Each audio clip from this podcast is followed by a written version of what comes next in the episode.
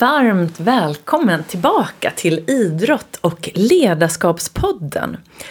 Det är dags för säsong 13 att sätta igång och jag är otroligt glad att eh, köra igång den här podden igen. Jag brukar ju ha ett uppehåll mellan säsongerna och eh, senaste eh, avsnittet som kom var i juni det här året, 2022. Och nu är det då snart oktober. Det är närmre bestämt den 29 september när jag spelar in det här. Och eh, du som lyssnar kommer kunna höra det imorgon då, vilket blir den 30 september. Och eh, jag är som sagt otroligt glad att prata med dig. Jag hoppas att du kommer att vara med mig hela säsongen. Det kommer att eh, som vanligt att eh, vara många spännande gäster som kommer hit. Eh, och vi kommer prata om mental styrka, vi kommer prata om deras erfarenheter, deras tankar, nycklar till framgång men också lärdomar av misstag och vad de eh, tycker är viktigt för att hitta balans och eh, närvaro i livet. Så det kommer att vara ett avsnitt ungefär varje fredag säsongen. Så vi får se om det blir något uppehåll kanske beroende lite på när de här intressanta gästerna som också har andra, väldigt mycket annat i sina liv när de kommer att kunna vara med. Och som vanligt kan du alltid höra av dig när det dyker upp frågor eller funderingar. I det här avsnittet till exempel så kommer jag att eh, gå igenom igen grunderna i den mentala träningen. Så ett annat syfte med den här podden är just att sprida kunskap och inspiration kring mental träning. Och jag tror att eh, det är bra att repetera ibland och eh, det finns ju ett avsnitt som hör till varje del av de här grunderna i den här podden från tidigare. Och eh, jag kommer hänvisa till dem också då i texten till det här avsnittet. Men nu när jag då satt och funderade på vad jag skulle prata om i den här säsongstarten så känner jag att det här är viktigt. Jag tror att det kan guida dig också till att kunna liksom platsa in sådant som du hör om ditt välmående, om din prestation, om mental styrka i den här pedagogiska ordningen som så väl har utformats eh, kring den mentala träningen. Och eh, som sagt, de här grunderna handlar ju om att nå inre och yttre framgång. Så det är alltså ett, en inre resa, ett inre välmående som behöver balanseras med vårt yttre och det som vi kanske ofta kallar framgång. Det är det man ofta ser, det som händer utåt. Men framgång är ju också en, som vi alla förr eller senare märker, en nästan större del i den här inre resan. Så den där balansen har alltid varit ett mål då inom den mentala träningen att nå inre och yttre framgång. Och eh, alla studier, all forskning som har gjorts i Sverige då sedan 60-talet ser eh, och resultaten man kom fram till då, vad är det som är grunderna och vad är det man behöver träna på för att nå den här inre och yttre framgången i sin, sitt eget liv. De grunderna och den, i den pedagogiska ordningen som man fann på den tiden, det finner man fortfarande idag. Och det handlar oavsett, det handlar om oavsett vart du läser om det här. Det kan vara KBT, alltså kognitiv beteendeterapi. Det kan ha med, eh, jag har precis läst en utbildning för att bli självläkningsterapeut och inom den medicinska yogan. Där har man också vissa grunder som man jobbar ut efter. Och här känner man igen de här också. Och även då eh, inom, eh, ja, e-, egentligen inom all form av personlig utveckling och träning så känner du, kommer du känna igen de här grunderna. Och det tror jag kommer hjälpa dig. För då när du läser någonting eller hör någonting, du lyssnar på en podd eller som sagt läser en artikel. Då kan du liksom platsa in det där i den här ordningen så att säga. Jag tror att det kan hjälpa oss. Vi vet ju att struktur är en viktig del tillsammans med kärlek för just välmående och prestation. Så att ha lite struktur på sådana här saker tror jag är väldigt viktigt. Och det är just därför man också utbildar sig och kan dyka in lite djupare i områden för att få den här mer förståelsen på djupet. Så med tanke på att jag har själv då fördjupat mig och utbildat mig och studerat det här så kommer du få den enkla varianten och det är då en förklaring av de här grunderna på ett så eh, tydligt sätt som möjligt. Och det är lättare att bli enkel ju mer, vad ska man säga, ju mer kunskap man har i, i botten. Det är väldigt svårt att bli enkel när det inte finns en grund. Så jag hoppas att du kommer att eh, känna att det här kan ändå hjälpa dig på den här resan då mot ditt eget välmående och såklart också din förmåga till att nå din potential och verka och fungera så som du önskar i din verklighet. Så med det sagt så tänkte jag att vi skulle börja landa lite där vi är, där du är. Så om du nu kan så får du gärna, du kan börja med att hitta en bekväm position, alltså en, man brukar säga en alert men avspänd hållning, apropå yoga meditation, så att du får fria andningsvägar. Så försök sätta dig bekvämt till rätta där du har fötterna på marken, där du har en rak rygg. Har du ett ryggstöd så kan du luta dig mot det men försök ändå känna att du sitter rak i ryggen. Så kan du känna att kanske haken kommer in lite grann så att du har en nacke som följer ryggraden. Och så kan du börja andas in och ut genom näsan. Och om det då är säkert för dig så får du gärna sluta ögonen. Så sitter du så här en liten stund, du kan placera händerna med handflatorna neråt på dina lår. Och så kan du bara lägga märke till fotsulorna som har kontakt med marken. Handflatorna som har kontakt med låren. Och så ska vi börja det här passet med att aktivera vårt lugnande system det parasympatiska nervsystemet. Så vi kan lugna oss och på så vis lättare landa och bli mottagliga. Så nästa gång du andas in så kan du få räkna till fyra. Håller andan, räknar till två. Och sen andas du ut och räknar till sex. Och när det är dags att andas in igen så räknar du till fyra ungefär i sekundtakt. Håller andan på två. Andas ut och räknar till sex. Och så fortsätter du på det här sättet på egen hand en stund. Och varje gång när vi andas ut längre än vi andas in så kommer det här lugnande systemet hos dig att aktiveras. Så du fortsätter på egen hand en stund till.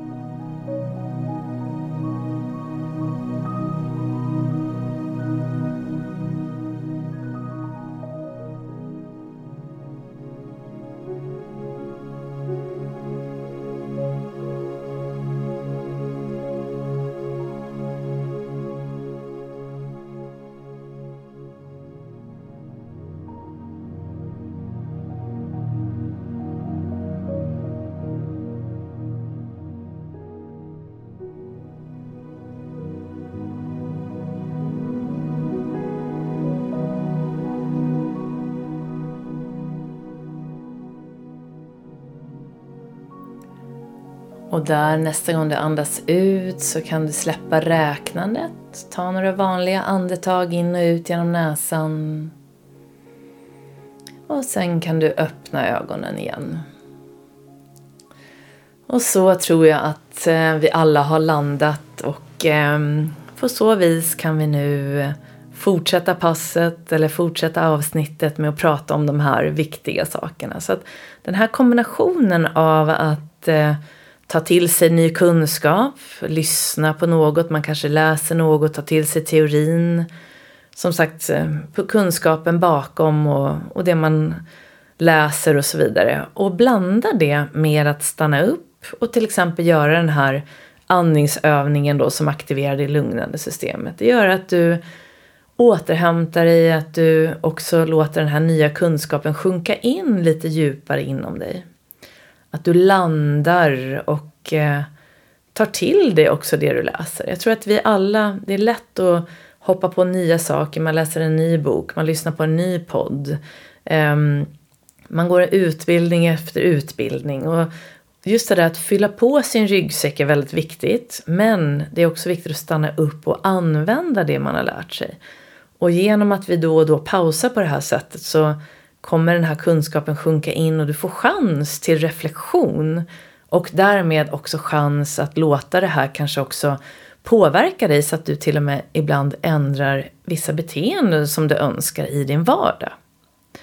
Så att, att sakta ner är ju någonting som händer automatiskt när vi observerar och uppmärksammar det här lugnande systemet. Och eh, anledningen att det lugnande systemet är så viktigt, vi har ju det här aktiva systemet eller stresssystemet också som heter det sympatiska nervsystemet. Det är ju självklart otroligt viktigt när vi behöver vara alerta och sätta igång och när vi behöver den här stressen för att kanske om det nu är en riktig rädsla så behöver vi ju verkligen reagera på det. Men det kan hända att vi behöver den här positiva stressen också av att liksom Ehm, ja, eh, om man till exempel ska springa ett 100 meters lopp så är det ju kanske inte så att den personen ska sätta sig och aktivera sitt lugnande system precis innan man ska köra, innan signalen går. Däremot att göra det dagen innan eller några timmar innan den här prestationen, det kommer göra den här personen mer alert när det väl gäller. Så att den här balansen och regleringen mellan det lugna och det aktiva systemet är, är att du själv kan reglera det. Och det här leder mig då in på den första grunden i den integrerade mentala träningen som den här mentala träningen kallas. Ehm, den som Lars-Erik Unestål grundade i Sverige 1968 på 60-talet.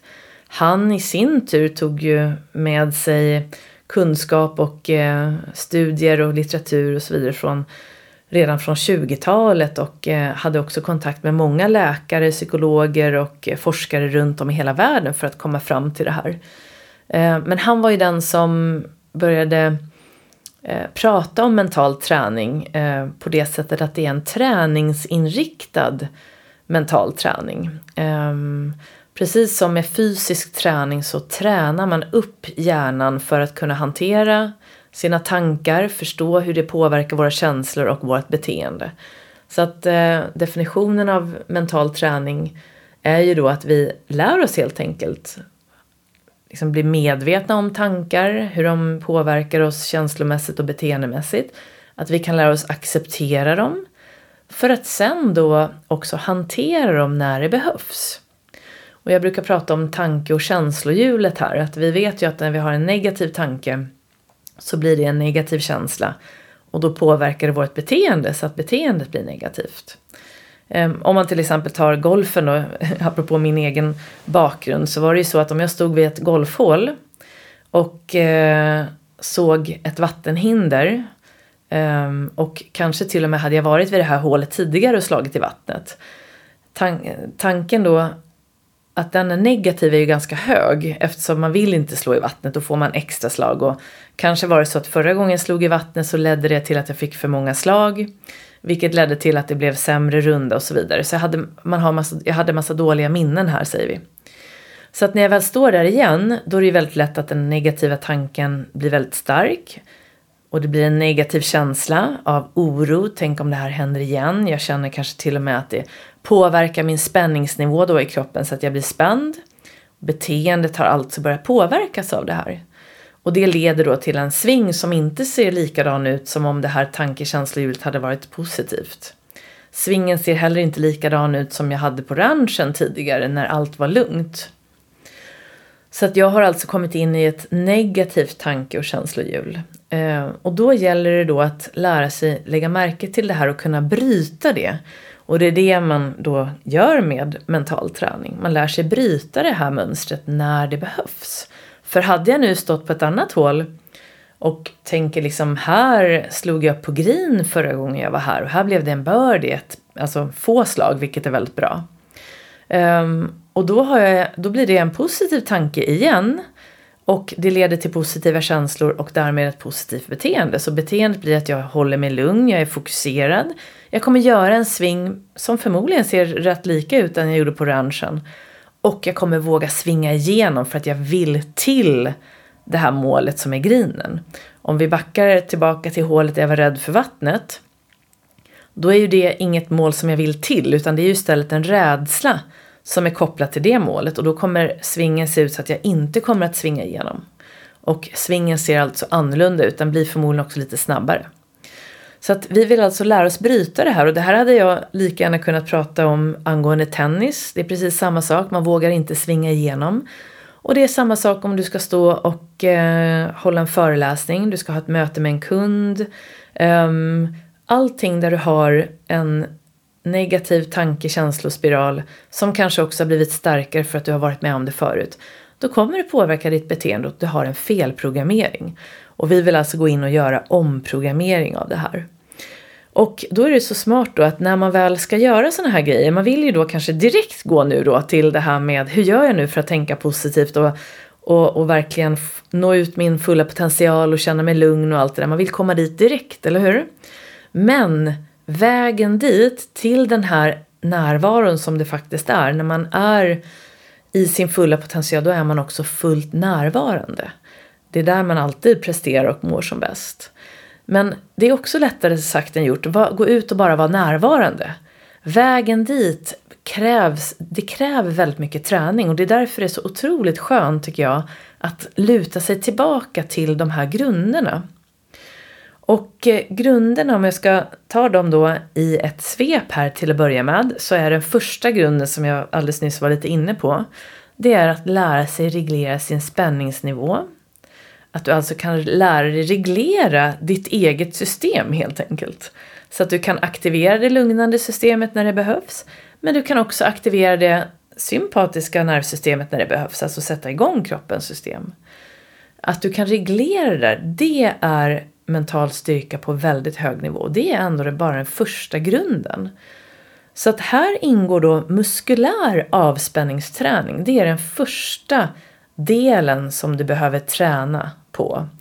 Och anledningen till det, det är att du inte vill ha några onödiga spänningar i kroppen för det tar onödig energi ifrån dig.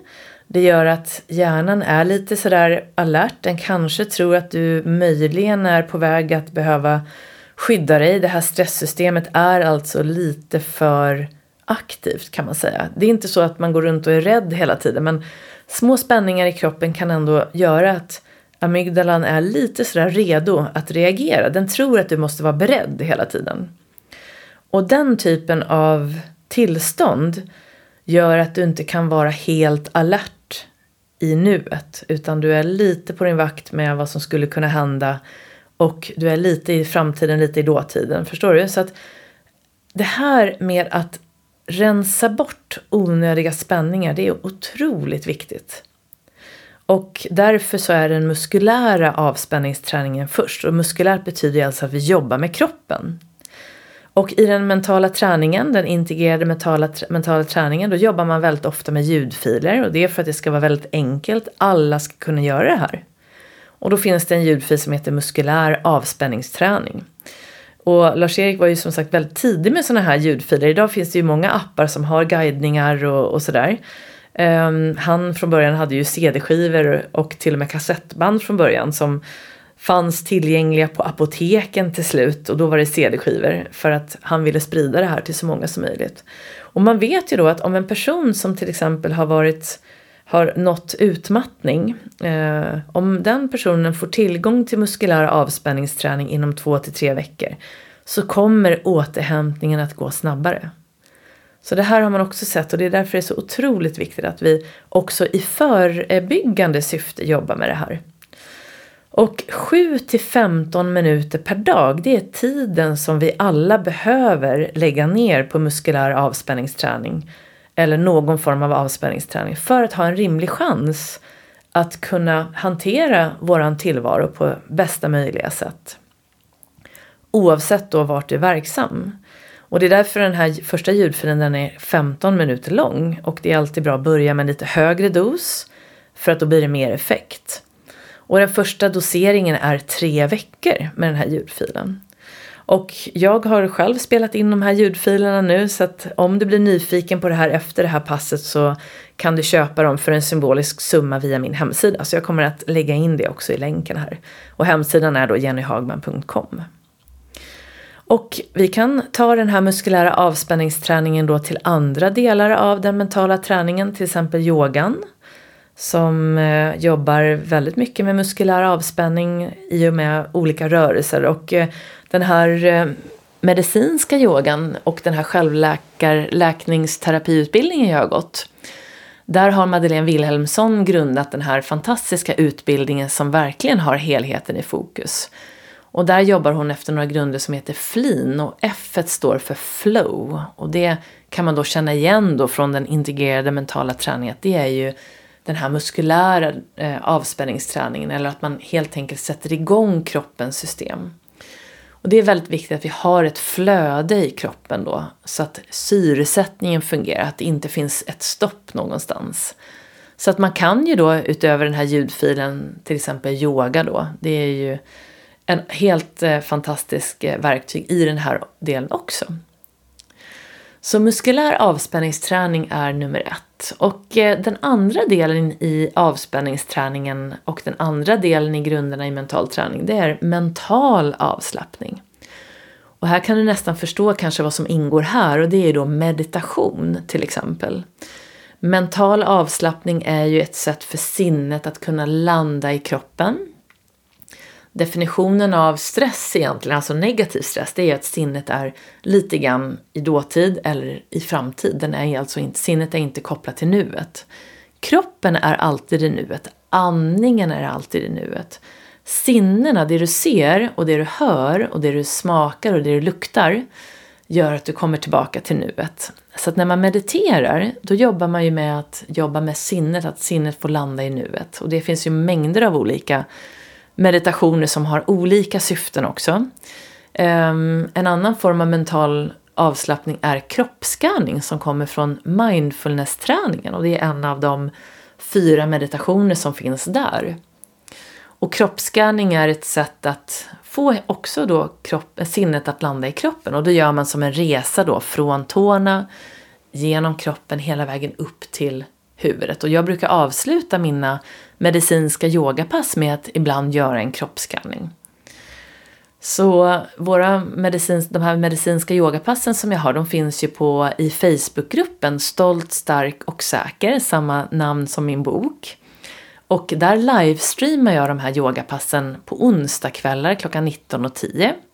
Du kan bara söka medlemskap till den här gruppen så anmäler jag dig. Det kostar 50 kronor per gång. Eller så betalar man för hela terminen då, det gör man i början av varje termin. Och här får du både muskulär och mental avslappning, alltså mental, eller fysisk och mental avslappning i ett enda pass. Så det är ju väldigt bra att gå igenom det. Då har du fått den här grunden som hjälper dig sen att kunna reglera din spänningsnivå när det behövs. Så att, att lägga ner den här tiden på din avspänningsträning 7-15 minuter per dag minst är fantastiskt för att börja bygga din mentala styrka från grunden. Och sen då för att applicera det här då till din vardag så kommer en övning som jag brukar ge och det är ju då att du börjar notera när din spänningsnivå går upp eller ner under dagen. Så skriver man ner det på kvällen innan man går och lägger sig. Och när du väl har börjat märka det här då, att du känner, säg vi tar det här golfhålet igen, när jag börjar närma mig det här hålet som jag har lite negativ, och negativ tanke och känslomönster till, då kommer jag förmodligen känna redan hålet innan att min spänningsnivå börjar rusa för att jag kanske börjar tänka på det här hålet. Och då är det ju så att vi ska bryta det här, eller hur? Och när vi väl har lärt oss att lägga märke till att det här händer, då kan du ju sen använda någon övning då för att aktivera ditt lugnande system om du nu märker att det är, spänningen går upp, vilket är det vanligaste.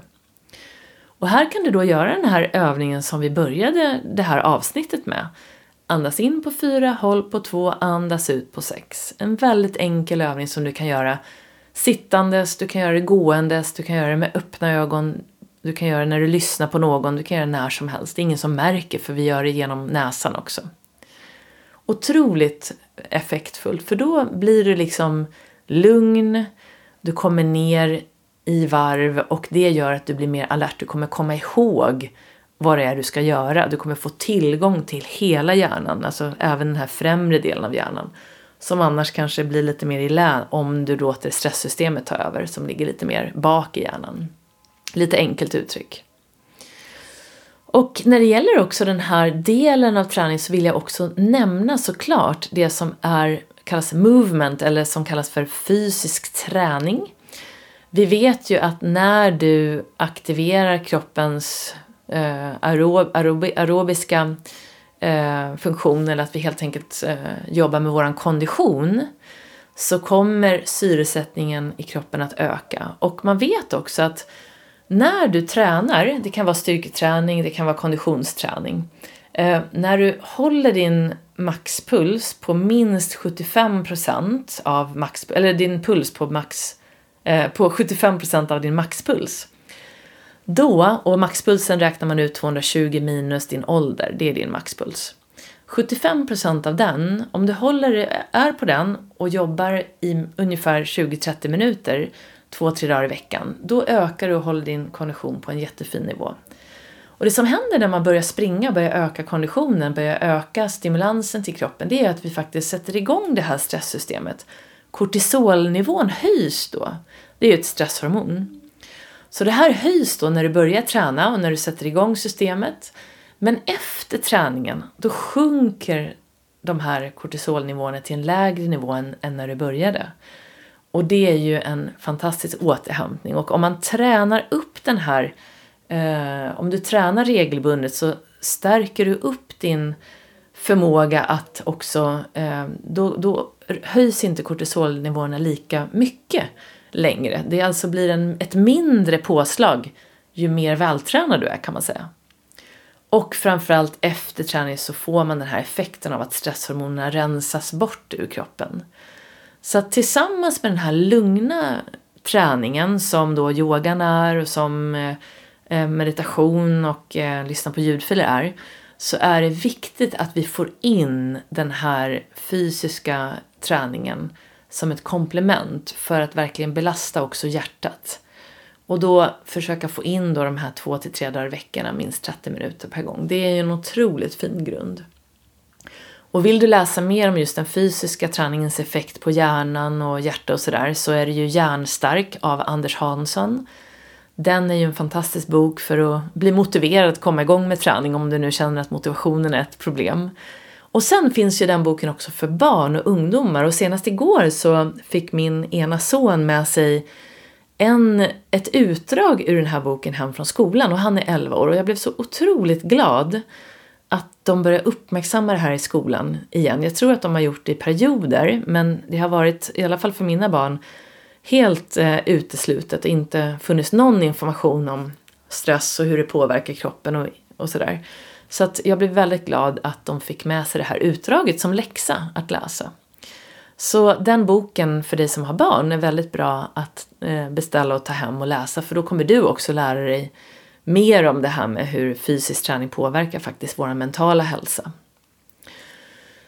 Men sen då, så det här med tankar och känslor, det är inte så himla lätt. Så därför så behöver vi den här mentala träningen så att vi liksom inte blir så sårbara för när vi tittar på nyheterna och det kommer massa saker som händer i världen hela tiden och många som säger nu att vi har en otroligt ehm, vi har otroligt mycket kriser, världen ser ut på ett sätt som man kanske inte önskar.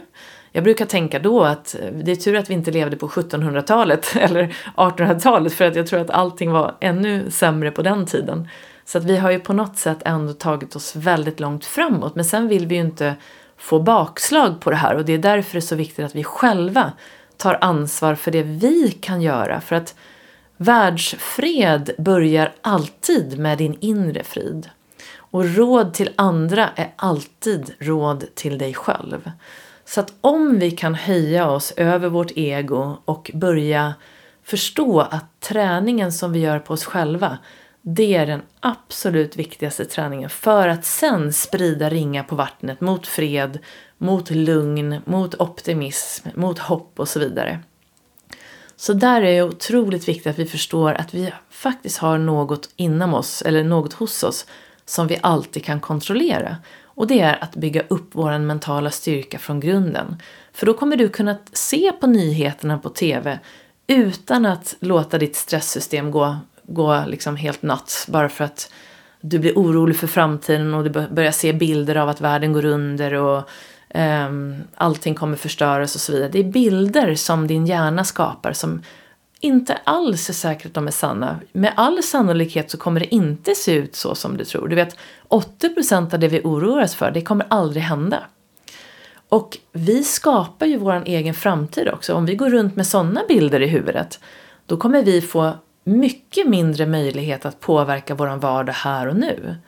Så att vi behöver bli riktigt vassa på att kunna reglera det här systemet och bli mästare på att aktivera det lugnande systemet. Så att vi kan förstå att om jag sitter hemma på soffan i en lugn och trygg miljö och ser på nyheterna och märker att jag blir orolig och nästan som att jag är i det här kriget själv. Då är det verkligen viktigt att jag tar hand om den här oron genom till exempel en andningsövning. Jag kanske går upp och gör lite fysisk aktivitet för att liksom släppa de här stresshormonerna. Sen kan jag gå till handling och vad kan jag påverka då? Då frågar du själv, vad kan jag påverka här och nu? Kanske vill man gå till datorn och donera en peng någonstans. Kanske vill man göra något annat. Man kanske vill gå och prata med sina barn om något och så vidare. Men att du släpper taget om allt du inte kan påverka. Det där blir mycket tydligare för, tydligare för dig när du först har reglerat din spänningsnivå. Så att det här kan du få som träning nu fram till eh, i alla fall minst nästa avsnitt som kommer. Det kommer ju ett avsnitt i veckan. Och vi kan ha det här som en träning nästan hela terminen. Och varför inte säga till varandra nu att under den här terminen, under säsong 13 av Idrott och ledarskapspodden, så ska vi alla träna på att bli mästare på att aktivera vårt lugnande system. Det jobbar jag med varje dag och jag hoppas att det här kan bli en viktig målbild också för dig. Så med det sagt då så hoppas jag att du förstår att bara genom att lägga ner träning på det här så bygger du upp en väldigt, väldigt stark, stor mental styrka från grunden. Om vi hoppar över det här då är det som att det finns en hinna över dig. Det är mycket svårare att tänka positivt, det är mycket svårare att jobba med nästa steg som är självbildsträningen. Mycket svårare att fokusera, mycket svårare att vara kreativ och, in och inspirera och så vidare. Så att det här är otroligt viktigt. Och sen då den andra delen, eller den tredje delen blir det då i den integrerade mentala träningen. Där har man lagt självbildsträning, alltså din förmåga att påverka din inre dialog. För att stärka självförtroendet, din självkänsla, din självtillit och din självinsikt.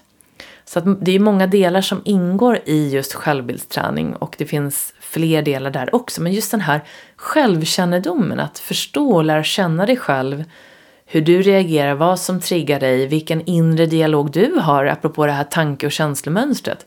Vad är det för tankar som, som du har som kanske är kritiska till dig? Och det kan hända att de här tankarna har funnits med väldigt länge och du vet en tanke är bara en tanke, men en tanke man tänker flera gånger, det blir till slut någonting som vi tror på. Och till slut så är vi den här tanken. Vi är våra tankar helt enkelt, vilket då såklart inte stämmer. Du är inte dina tankar, men ofta så kan det kännas på det sättet för att det är en sån djup känsla som hänger ihop med den här tanken och som du också då har tänkt väldigt många gånger. Så att eh, när man kommer till självbildsträningen då, då vill man då återigen gå in och bryta den här negativa spiralen när den uppstår. Alla har inte en dålig självbild. De här personerna och alla de här tusentals människorna som ingick i studierna för att se vad var det som de här personerna som hade inre och yttre framgång hade de något gemensamt? Och det var det man såg att de hade och det var där de här, det är därifrån de här grunderna kommer från början. Och sen har man ju då sett att det här är exakt samma grunder hos människor som har inre och yttre framgång också idag. Och det viktiga med det här då det är att vi alla kan träna upp det här för att nå den här inre och yttre framgången. Vissa då har ju det här automatiskt och det är ju bara att säga grattis. Men alla kan bli mentalt starka med den här träningen. Och de flesta behöver faktiskt träna. Vissa gör det som sagt lite sådär omedvetet. Men då den här självbildsträning handlar alltså om att haffa de här negativa tankarna när de dyker upp så att vi kan då börja se dem, acceptera dem för att sen hantera dem. Och här börjar man med en övning som är enkel och som man också, precis som det här med avspänningsträning med att kanske lyssna på muskulär avspänningsträning kan man ju egentligen hålla på med i flera månader om man vill. Inom självbildningsträningen så har man en enkel övning som man också kan hålla på med hela livet om man vill. Den har sådana otroligt fina effekter och övningen finns till och med med som en av de här faktorerna som påverkar vår lycka som Harvard University har jobbat fram sedan jag tror att det är den längsta studien inom lycka som finns i världen och den har gått över i generationer. Så den här övningen kallas för Bra-boken och apropå Harvard Universitys studie så är den andra delen i Bra-boken ingår där då och det är att känna tacksamhet. Men den första när man ska börja med en bra bok och det är ju då att du har en fysisk bok som du gärna får ha bredvid dig vid sängbordet eller ditt nattduksbord. Jag håller på med det här fortfarande idag. Jag tror att jag hörde det första gången av Mia Törnblom för, jag tror att det var på 90-talet när hon kom ut med sina böcker om självkänsla nu. Jag satt på ett flyg till USA. Jag skulle till eh, college för första gången. Jag hade fått ett fullt stipendium och skulle liksom prova mina vingar i USA där på college. Jag satt på flyget, läste den här boken som jag sen faktiskt glömde i handskfacket. Så jag hoppas att det var någon som hittade den. Men där läste jag om den här bra boken för första gången. Och sen har den, har den här dykt upp på väldigt många ställen, eh, inklusive då hos eh, Martin Selling, Sellingman som är en psykolog från USA som som faktiskt döpte den här till just eh, Bra-boken då på svenska. Fast han var amerikan då. Men i alla fall, då gör man så att man skriver ner först varje kväll innan man går och lägger sig. Man kan börja med tre veckor men som sagt jag håller fortfarande på och jag är ju snart 50 så att det är ju 25 år nu. Och då skriver du ner tre saker som du känner att du har gjort bra och som du är stolt över och varför du tycker det just den här dagen. Och tycker du att det är väldigt svårt att skriva då går det bra att du tänker det i huvudet. Så det gör jag faktiskt ibland nu för tiden, att jag lägger mig ner innan jag ska somna och så går jag igenom det här i, i tanken helt enkelt. Okej, okay, jag går igenom dagen, det här gör du också alltså, du kan skriva ner eller tänka. Vad har jag gjort bra idag? Vad är jag stolt över? Och varför är jag det? Okej, okay, det är den första. Och sen går man vidare. Vad är jag tacksam för? Tre saker du är tacksam för. Ibland kanske det är några fler. Det är helt okej. Okay. Vad känner du dig tacksam för just den här dagen? Vad är det som har hänt den här dagen som du är tacksam för? Och sen den sista, om man vill, så lägger man in något som man behöver hjälp med. Och det kan ju vara om det är något som inte har gått så bra under dagen. Vad behöver jag hjälp med? Och då är det för att, liksom, apropå den här, den här inre dialogen då, att man vill ju inte hamna i de här negativa tankemönstren som kanske också är väldigt vana att dyka upp eftersom du har tänkt dem många gånger. Då vill man istället säga, vad behöver jag hjälp med? Istället för, ah, nu händer det här igen, gud vad dålig jag är på det. Nej, ingen kommer tycka om mig, nej nu kommer jag bli av med jobbet. Eller det, det är så lätt att vi spinner iväg på de här när vi börjar rikta det åt vad vi gjorde fel eller vad vi gjorde dåligt. Men om du skriver ner vad du behöver hjälp med, då är det ett annat sätt att se på det här. Så det betyder att du inte liksom skyfflar undan något, utan du ser det i vitögat så att säga. Man möter det här. Men du gör det med bomull runt omkring genom att skriva vad du behöver hjälp med.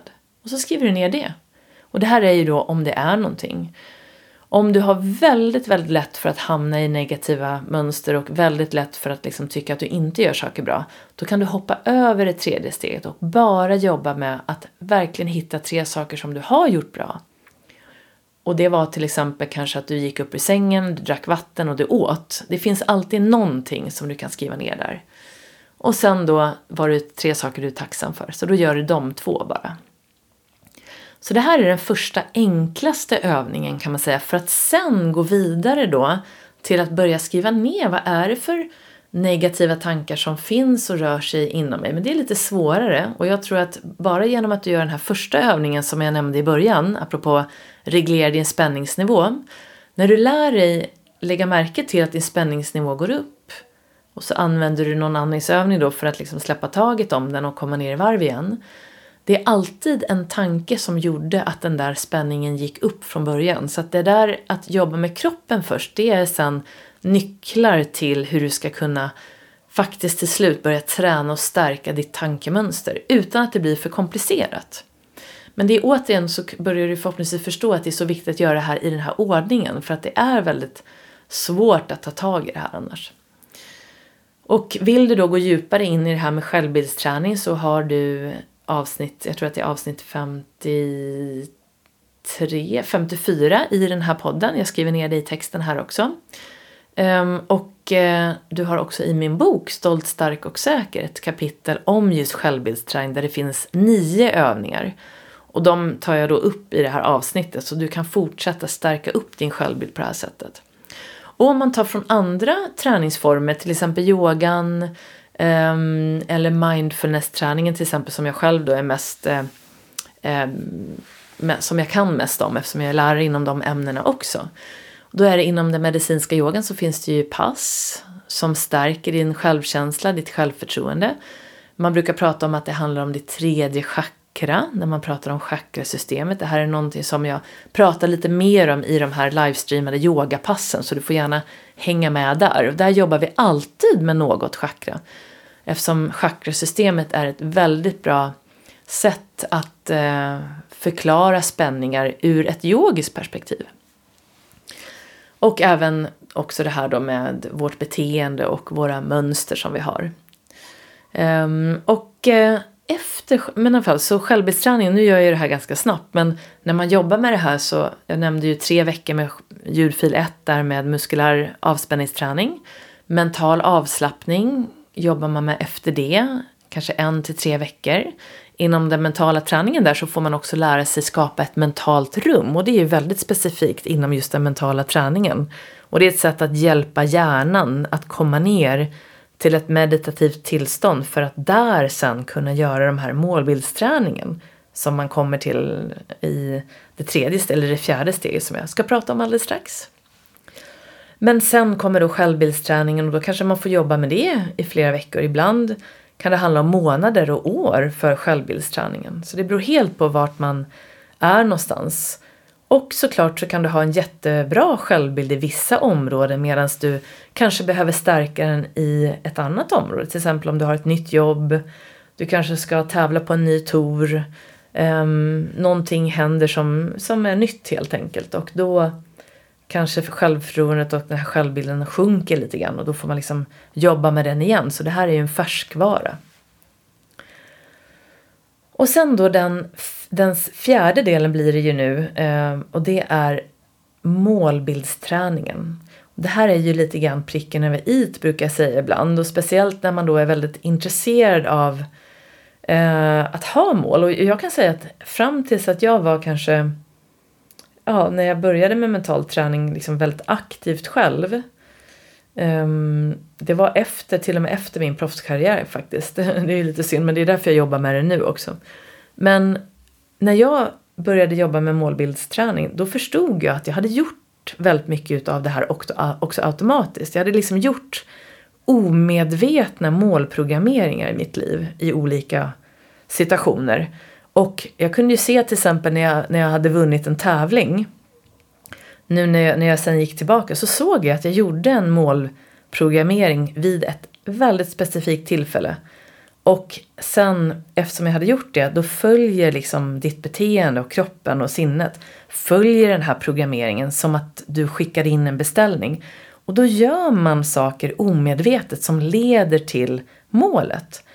Och de gånger jag har nått mina mål, sådana här riktigt stora mål som till exempel vunnit stora tävlingar, Eh, det här när jag lanserade min bok till exempel, eller um, alla sådana här stora händelser som, som har hänt så har alltid föranletts av någon form av sån här o, eh, omedveten målprogrammering om man nu ska använda det mentala träningsspråket. Så man behöver absolut inte använda de här orden. Man kan prata om intentioner, man kan prata om manifestation, man kan prata om intention som man kanske jobbar med lite mer i, med yogan. Jag vet att Eckart Tolle som är en stor spirituell ledare, han pratar om manifestera, att manifestera och det är precis det här man gör då. Så målbildsträning handlar om att du, du, du har en riktning helt enkelt. Och eh, här är det ju också det man såg då hos de här personerna som hade inre och yttre framgång. Att de hade ett väldigt tydligt mål, en inre kompass, en nord, vad heter det, nordstjärna, en North Star. Som bara fanns där som de följde. Det var så otroligt tydligt. Så att när det dök upp hinder så märkte de inte hindren på samma sätt för att målet och riktningen var så tydlig. Så därför så är den här delen så otroligt viktig så att den till och med ger lugn och den ger dig förmågan att vara närvarande. Så att man gör de här målbildsträningarna, målprogrammeringarna för att på så vis kunna släppa taget, slippa tänka på det för att återgå till processen, återgå till nuet och följa steg för steg, eh, kliv för kliv så att du rör dig liksom närvarande i den riktning du vill. Det är det som är lite tanken med målbildsträningen. Och här kan man ju ha då, del, det är egentligen två delar av de här målbilderna skulle jag säga. Det ena är ett väldigt långsiktigt mål. Det skulle kunna kallas visual, en, en vision också. Det är ju som ett långsiktigt mål. En dröm. Eh, men en dröm är ju, eh, som jag ser det, någonting som också alltid är något du kommer att nå om du har gjort den här eh, målbildsträningen från grunden, så att säga. För då kommer den från hjärtat.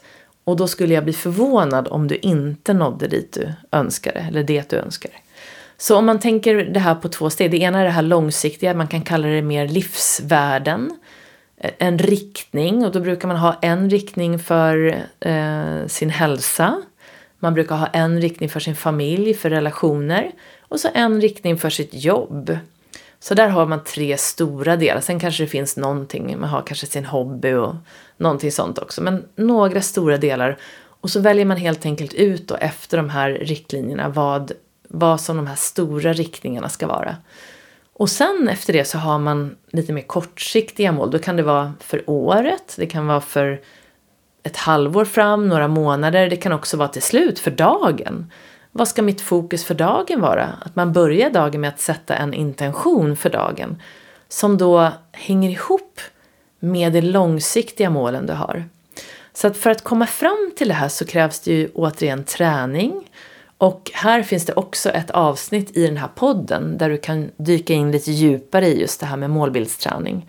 För att förstå hur du börjar. Jag brukar börja med något som heter mirakelfrågan för att först lyfta blicken, ta kontakt med vad hjärtat vill och sen bryter man ner det här till lite mer beståndsdelar och så får man jobba med det utifrån det.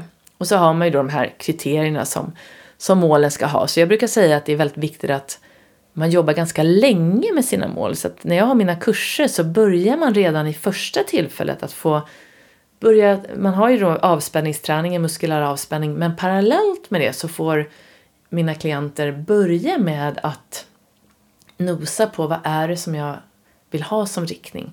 För att när man sen kommer till målbildsträningen efter några veckor, eftersom kurserna går lite snabbare då, man träffas en gång i veckan, på slutet så kommer man till den här målbildsträningen och då är det dags att göra en målintegrering eller eh, ja, en målintegrering på, på eh, mentalt träningsspråk. Och det gör man också med ljudfil. Samma sak som i självbildsträningen finns det också en ljudfil. Så det är för att hjälpa dig, guida dig i det här. Och som sagt, jag har spelat in de här ljudfilerna så de finns på min hemsida jennyhagman.com och där kan du köpa dem för en symbolisk summa. Då kan du följa den här guidningen. Och om du gör det tillsammans med att lyssna på de här avsnitten i min podd och läsa kanske boken, då har du en väldigt fin grund till att helt enkelt göra den här mentala träningen från grunden och börja bygga upp din mentala styrka då från grunden. Så det var målbildsträningen. Så de här delarna ingår då i grunderna i den här ordningen. Um, och när man sen går vidare till styrketräningen, tuffhetsträningen, då börjar man nosa på det här med att ha en positiv attityd. Man börjar titta ännu mer på fokus, fokusträning, man börjar titta på kreativitet och så vidare. Så att man går in lite djupare på de delarna sen. Men det är väldigt svårt som sagt att börja med en positiv attityd om du har massa stress i grunden. Så att all form av stresshantering kommer du lära dig redan i den första, ja jag skulle säga att i första, de här grunderna, det är ju fantastisk stresshantering när du lär dig det här. Och i början så är det bara avspänningsträningen som behövs för att du ska börja komma tillbaka på banan. Har du nu blivit djupt deprimerad och känner verkligen att, eh, att du mår dåligt så måste du, måste du såklart kontakta en vårdcentral och en läkare. Men med det sagt, om du parallellt med det och inom en väldigt, så snart du kan börja med att försöka få in muskulär avspänningsträning i form av kanske en ljudfil eller lugnande yoga så kommer det hjälpa dig eh, på traven.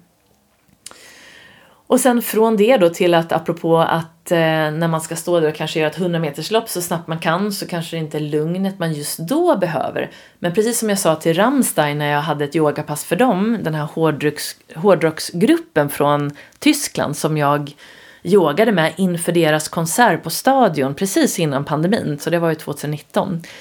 De går ju upp på scenen och är värsta hårdrockarna, ni vet, det är pyroteknik och de bara står och skriker liksom, så det är inte direkt lugnt på scenen. Men innan de gick alltså upp på den scenen, två timmar innan, då satt jag med dem i ett rum på samma plats på stadion och gjorde ett medicinskt yogapass där vi avslutade med andningsövningen där man andas in genom vänster näsborre för att bli lugn. Men sen in genom höger för att bli pigg för att jag ville inte lämna dem helt så här dåsade. Då tänkte jag då kanske de aldrig kommer att bli, få tillbaka energin igen. Och då var de så roliga för de sa ju det att okej, okay, det här måste vi komma ihåg. Okej, okay, eh, före konserten precis, okej, okay, höger näsborre och efter konserten vänster näsborre. Ja, bra. Och så fick jag skriva ner det så att de skulle komma ihåg. Men så det är ju ett exempel på att även du som är idrottare eller även du som ska gå upp på en scen eller hålla en stor föreläsning eller du kanske ska gå på en fest där det finns människor du känner dig nervös för eller där du vill liksom vara, vara i ditt esse, du vill vara på topp liksom. Före det så är det viktigt att du gör den här avspänningsträningen för att kunna släppa spänningar och sen kunna vara alert och närvarande när det verkligen gäller. Så det är väldigt bra, men att vi inte gör den lugnande övningen precis innan prestationen för då kan det vara lite, ta lite tid att komma upp igen. Så då har vi gått igenom de här viktiga grunderna och jag hoppas att du nu med det här sagt kan också placera in sådant som du redan kan och vet, hör. Du kan placera in det i de här delarna och det jag inte har tagit med nu det är faktiskt kosten. Kosten ingår ju väldigt mycket i den här nya utbildningen som jag har gått och jag är ju självklart en av dem som absolut tror på kostens betydelse. Att när man till exempel går in i, ett, i en, en livsmedelsaffär så kan man tänka att det är som att gå in på ett, eh, ett pharmacy eller en, en, eh, ett apotek. Så att vi väljer mat som stöttar våran kropp. Och här kan man ju verkligen prata om många avsnitt om det här och det kommer vi också göra under den här säsongen. Så vi kommer ha ett helt avsnitt om kost och hur kosten kan hjälpa oss läka och hjälpa oss med det här med självläkning. Och det är ju någonting som vi själva faktiskt verkligen kan göra. Så kosten är ju som en del självklart i den här helheten av att bygga en mental styrka från grunden. Men det är ett stort, en, ett stort område som jag gärna vill att en expert ska prata mer om. Så därför så lämnar jag det eh, idag. Och för dig då som blir lite nyfiken nu på de här eh, olika delarna så nämnde jag att jag har lite kurser. Jag har ju en onlinekurs på trainforbalance.com för dig som är golfare. Det kommer komma en för alla snart. Och jag håller också på att bygga en ny plattform för mina onlinekurser. Och den kommer lanseras förhoppningsvis nu här i oktober. Och då kommer det bli ännu snyggare och ännu bättre alla de här kurserna. Det kommer vara fler kurser tillgängliga där också. Så då hoppas jag att du hänger med där. Och eh, utöver det då så har jag, det här avsnittet kommer ju den 30 september, en fredag. Söndag den 2 oktober så har jag en workshop på Yogamana i Stockholm. Och det är om mål och motivation och om den här fjärde delen av den mentala träningen. Och jag har också gjort ett medicinskt yogapass ihop med det här som stöttar alltså den här delen av den mentala träningen. Så att det finns några platser kvar vet jag. Du går bara in på yogamana.se under workshop så kan du anmäla dig. Om du känner att du vill vara med och det är mellan 10 och 13. Annars lite längre fram så har jag en ett mentalt, mental träning och yogahelg också i Stockholm den 19 till 20 november. Och det är en intensivkurs där vi går igenom allt det här. Och där du får fem stycken stöttande medicinska yogapass för att liksom hela tiden få den delen i den här träningen också. Så där kan du hitta mer information på jennyhagman.com. Och med det sagt så är vi klara för idag. Jag hoppas att du har fått med dig lite kanske nya verktyg eller annars bara en påminnelse om hur du kan få in mental träning i din vardag. Lyssna gärna på podden, det finns ännu fler avsnitt, eh, 101 avsnitt hittills. Och från och med imorgon fredag och fredagarna här efter så kommer du få möta fantastiska gäster igen som kommer att hjälpa dig fylla på din lilla verktygslåda för att hjälpa dig på din resa mot mental styrka, balans, välmående. Och följ mig gärna på Instagram, Jenny Hagman. Där är jag ganska snabb på att lägga upp nya saker. Och vill du ha mina nyhetsbrev så anmäler du dig också på jennyhagman.com. Så ta hand om dig och eh, jag hoppas att vi ses och hörs här snart igen. Hej då!